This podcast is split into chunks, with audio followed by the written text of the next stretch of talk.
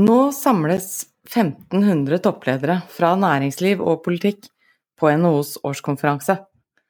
Stemninga er dårlig, og mange i næringslivet er sure på regjeringa. Ordbruken er temmelig hard, både fra NHO og regjeringens side. Det er kanskje tid for dialog, og kanskje noen justeringer i regjeringsapparatet? Jeg heter Irene Halvorsen, jeg er sjefredaktør i Nasjonen, og i dag er det torsdag 5. januar. Skattesjokk med store bokstaver, det var reaksjonen fra NHO-sjef Ole Erik Almli på regjeringas forslag til statsbudsjett for 2023.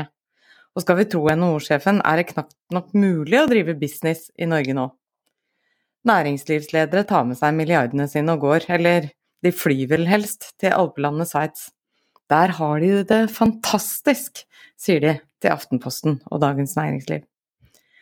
De aller fleste blir jo likevel igjen i Norge, men utsiktene til samme eventyrlige vekst som i foregående år, de er dårligere nå.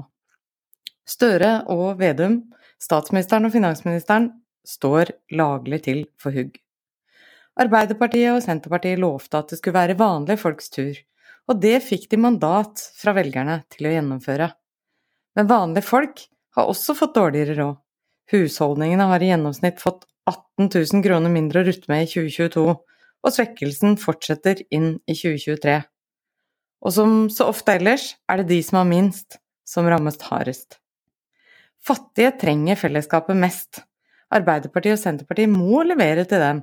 Det hjelper imidlertid ikke på den dramatiske velgerflukten fra de to partiene. Da må regjeringa levere en troverdig strømpolitikk og andre politiske grep som gjør, gir den store middelklassen trua tilbake. Å utjevne forskjeller, øke takten i det grønne skiftet og legge til rette for sysselsetting og verdiskaping. Skal regjeringa lykkes, må alle med, næringsliv, organisasjonsliv og det sivile samfunnet. Da må det ikke snubles i regnestykker om det nå er over kjøpekraft eller kraftselskaper. Én ting er finansminister Vedum som ville vise at vanlige folk skulle få bedre råd i 2022. Et annet og minst like alvorlig eksempel er skatten på vann og vindkraft som ble foreslått i statsbudsjettet for 2023. Jeg tror at det var en ulykke for Arbeiderpartiet og Senterpartiet at de ikke hadde tid, eller tok seg tid, til å vente på Torvik-utvalget og jobbe ut et bredt og godt skatteforlik. Erna Solberg huskes nå som den trygge statsministeren i utrygge tider. Glemt er svingdøra i Justisdepartementet med seks ministre på åtte år, smittepress fra arbeidsinnvandrere og trusler om å sette inn Heimevernet for å få folk hjem fra hytta. Koronakrisen var nok lettere å håndtere, det var i gåstegn bare å pøse på mer penger. Men Solberg hadde før det også stor støtte i Høyres egen regnemaskin, den erfarne Jon Gunnar Pedersen, og i dagens turbulente tider vil jeg tro at Støre og Vedum hadde trengt en slugger av samme type. Jeg tror uansett vi vil se endringer i regjeringsapparatet i 2023. Politikk er å ville, som Sveriges tidligere statsminister Olof Palme formulerte det. Men det er veldig lurt å vite om det man vil gjøre, faktisk er lurt. Kraftskatten virket lite gjennomarbeida og lite gjennomtenkt, som Hans Bårdsgaard også skrev i kommentaren kraftløst og ampert her i Nasjonen. I høst møtte Norge harde beskyldninger om at vi skor oss på energikrisa. Det starta hos Financial Times, som mer enn ymtet om Norge som krigsprofitør. Statsminister Jonas Gahr Støre fikk god bruk for sine diplomatiske evner da han møtte Frankrikes president Emmanuel Macron, EU-kommisjonens president Ursula von der Leyen og den tyske forbundskansleren Olaf Scholz. Støre ser ut til å lykkes med sitt diplomatiske supertokt. Nå må han kjøre diplomatisk triks her hjemme. Han kan begynne i dag på NHOs årskonferanse. For næringslivslederne er urolige. Tidligere Aker Kværner-sjef Inge K. Hansen med 50 års erfaring som næringslivsleder dundra løs i Aftenposten i november.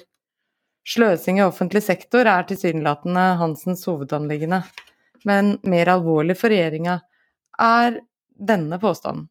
Aldri tidligere i regjeringen og på Stortinget har det vært så lite forståelse for og kunnskap om næringslivets betydning for verdiskaping og skatteinntektene i Norge som i dag.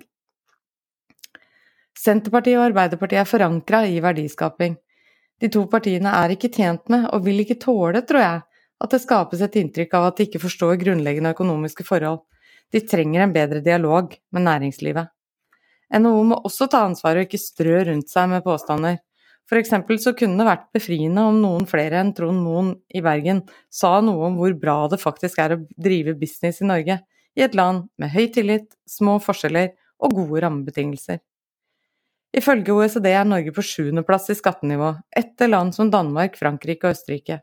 Statistikken viser små forskjeller mellom røde og blå regjeringer når det gjelder næringslivets rammebetingelser i Norge. Høyere skatt gir ikke lavere vekst. Det som derimot ser ut til å henge sammen, er demokrati og høy verdiskaping. Og tro det eller ei, Norge har også lav skatt på formue. Den totale skatten utgjør 1,22% av verdiskapingen i 2021. Det plasserer oss som nummer 24 av 38 land.